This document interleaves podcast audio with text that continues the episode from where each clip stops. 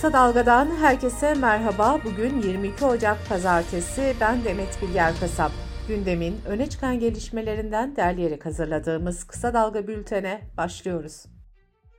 Yerel seçim gündemi bu hafta hareketli olacak. CHP'nin Muğla ve Antalya'da belediye başkan adaylarının yanı sıra Ankara, İstanbul ve İzmir'in ilçe başkan adaylarını açıklaması bekleniyor. DEM Parti'de Ahmet Türk krizi aşıldı. Mardin'deki ön seçimde ilk turda rakibine fark atmasına rağmen 50 artı bir oy alamadığı için adaylıktan çekilen Ahmet Türk ikna edildi ve aday olarak gösterilmesi kararlaştırıldı. Seçime hür ve müstakil girme kararı alan İyi Parti'de istifalar sürüyor. Geçen hafta Çukurova Teşkilatı'ndan 130 kişi istifa etmişti. Antalya'nın Kepez ilçe teşkilatından 858 ve Kemer'den de 400 kişi daha istifa etti. Bu arada kulislerde İyi Parti'nin Ankara Büyükşehir Belediye Başkanı adayının tanınmış bir kadın olabileceği konuşuluyor. Cumhur İttifakı da ilçe belediye başkanı adaylarının tanıtımına bu hafta devam edecek. Kürt siyasetçi Leyla Zana, Cumhurbaşkanı Erdoğan'a çözüm sürecini dondurucudan çıkarma çağrısı yaptı. Gazete Duvara konuşan Zana, bu işi esastan ele almak gerekiyor dedi.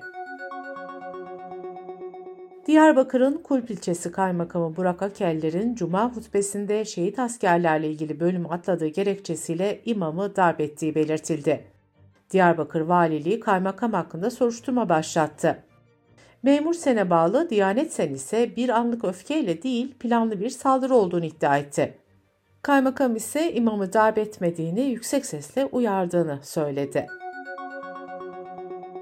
Tahir Elçi İnsan Hakları Vakfı'nın ikinci İnsan Hakları ve Özgürlük Ödülü cumartesi annelerine verildi. Törende konuşan Kemal Kılıçdaroğlu, bir devlet için faili meçhul olay o devletin en büyük ayıbıdır dedi. Antalya'nın farklı sahillerinde 73 kilometrelik alanda 5 günde 6 ceset bulundu. Kimi bedenlerin uzuvlarının eksik olduğu belirtildi. Cesetlerin Alanya, Manavgat, Serik ve Aksu'da bulunduğu ifade edilirken göçmen teknesinin batmış olabileceği ihtimali üzerinde de duruluyor. Serik'te bulunan kadın bedeninin Antalya'da iki hafta önce kaybolan Merve Şevval Elmas'a ait olma ihtimali üzerine de ailesinden DNA örneği istendi. Çevre, Şehircilik ve İklim Değişikliği Bakanlığı'nın verilerine göre son 20 günde 537 proje için ÇED süreci başlatıldı. Bu projelerin 190'ı yeni maden sahaları için yapılan başvurulardan oluştu. Kısa Dalga Bülten'de sırada ekonomi haberleri var. Ekonomi gündeminin ilk sırasında Merkez Bankası Başkanı Hafize Gaye Erkan'la ilgili iddialar var. Erkan'ın babasının bir banka çalışanını işten attığı öne sürülmüştü. Daha sonra Erkan ve ailesiyle ilgili iddialar peş peşe geldi. Aile iddiaları yalanlarken iddiaların sızdırıldığı yorumları da yapıldı. Yayınlanan kulis haberlerinde ise Erkan'ın seçimden önce görevden alınacağı öne sürüldü.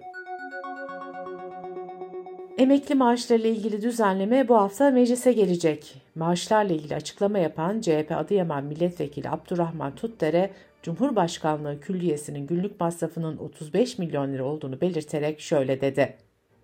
En düşük emekli maaşı 10 bin lira oldu. 3500 emeklinin maaşı sarayın bir günlük masrafı.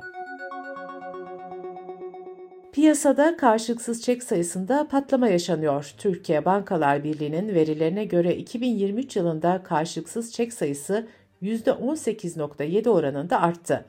Bu çeklerin tutarı %176 artışla 57 milyar lirayı aştı. Borsa İstanbul'da Kasım ayında başlayan yatırımcı göçü devam ediyor. 18 günde 194 bin yatırımcı daha borsadan çıktı. Dış politika ve dünyadan gelişmelerle bültenimize devam ediyoruz. Gazze'de 7 Ekim'den bu yana süren İsrail saldırılarında öldürülenlerin sayısı 25 bini aştı. İsrail Başbakanı Netanyahu, bağımsız Filistin devletinin kurulmasına karşı olduğunu bir kez daha yineledi. Netanyahu'nun bu çıkışı Beyaz Saray'la görüş ayrılığının derinleştiği şeklinde yorumlandı. ABD Başkanı Joe Biden iki devletli çözüm önerisini dile getirmişti.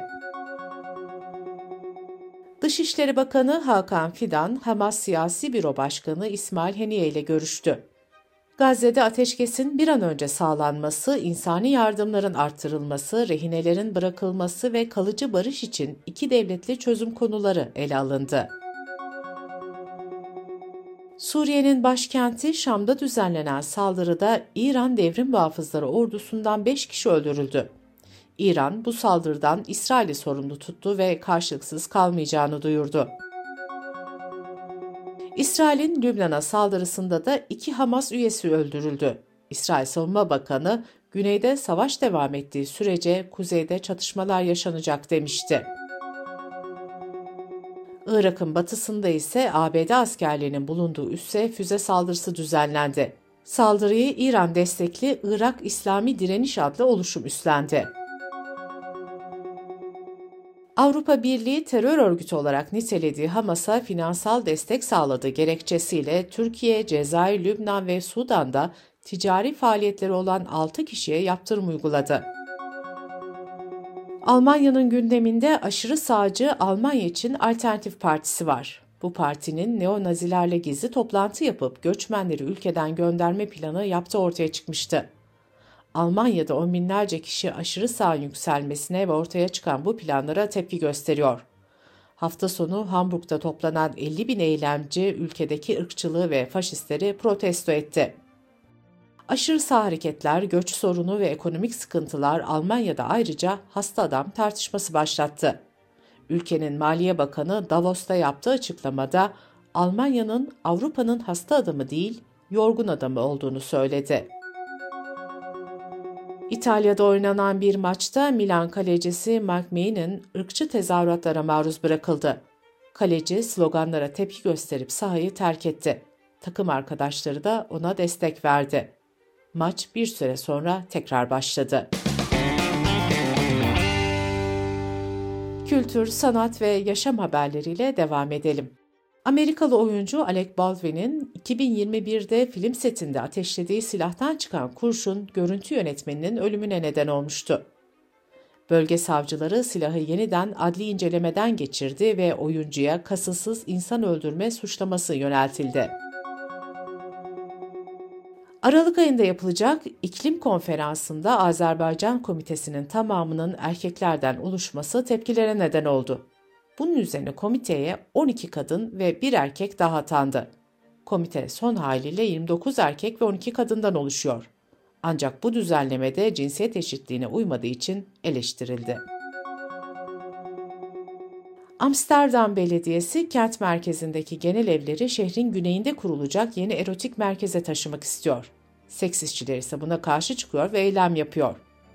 50 kişilik bir grup da seks işçilerine destek amacıyla Kırmızı Fenerler Mahallesi'ndeki boş genelev binalarını işgal etti.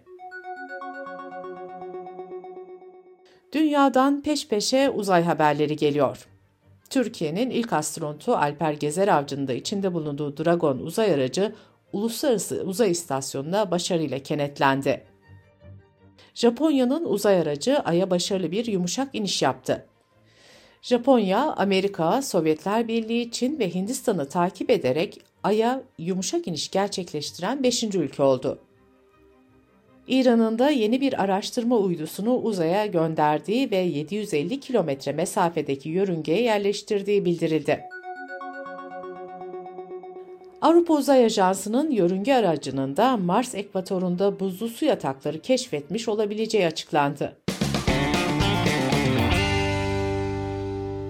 Bültenimizi kısa dalgadan bir öneriyle bitiriyoruz. Politikest'in yeni bölümünde Kısa Dalga Yazı İşleri Müdürü Çağrı Sarı ve gazeteci Sedat Bozkurt, AKP'nin Ankara ve İstanbul için gösterdiği adayları konuşuyor. Politikest'i kısa dalga.net adresimizden ve podcast platformlarından dinleyebilirsiniz.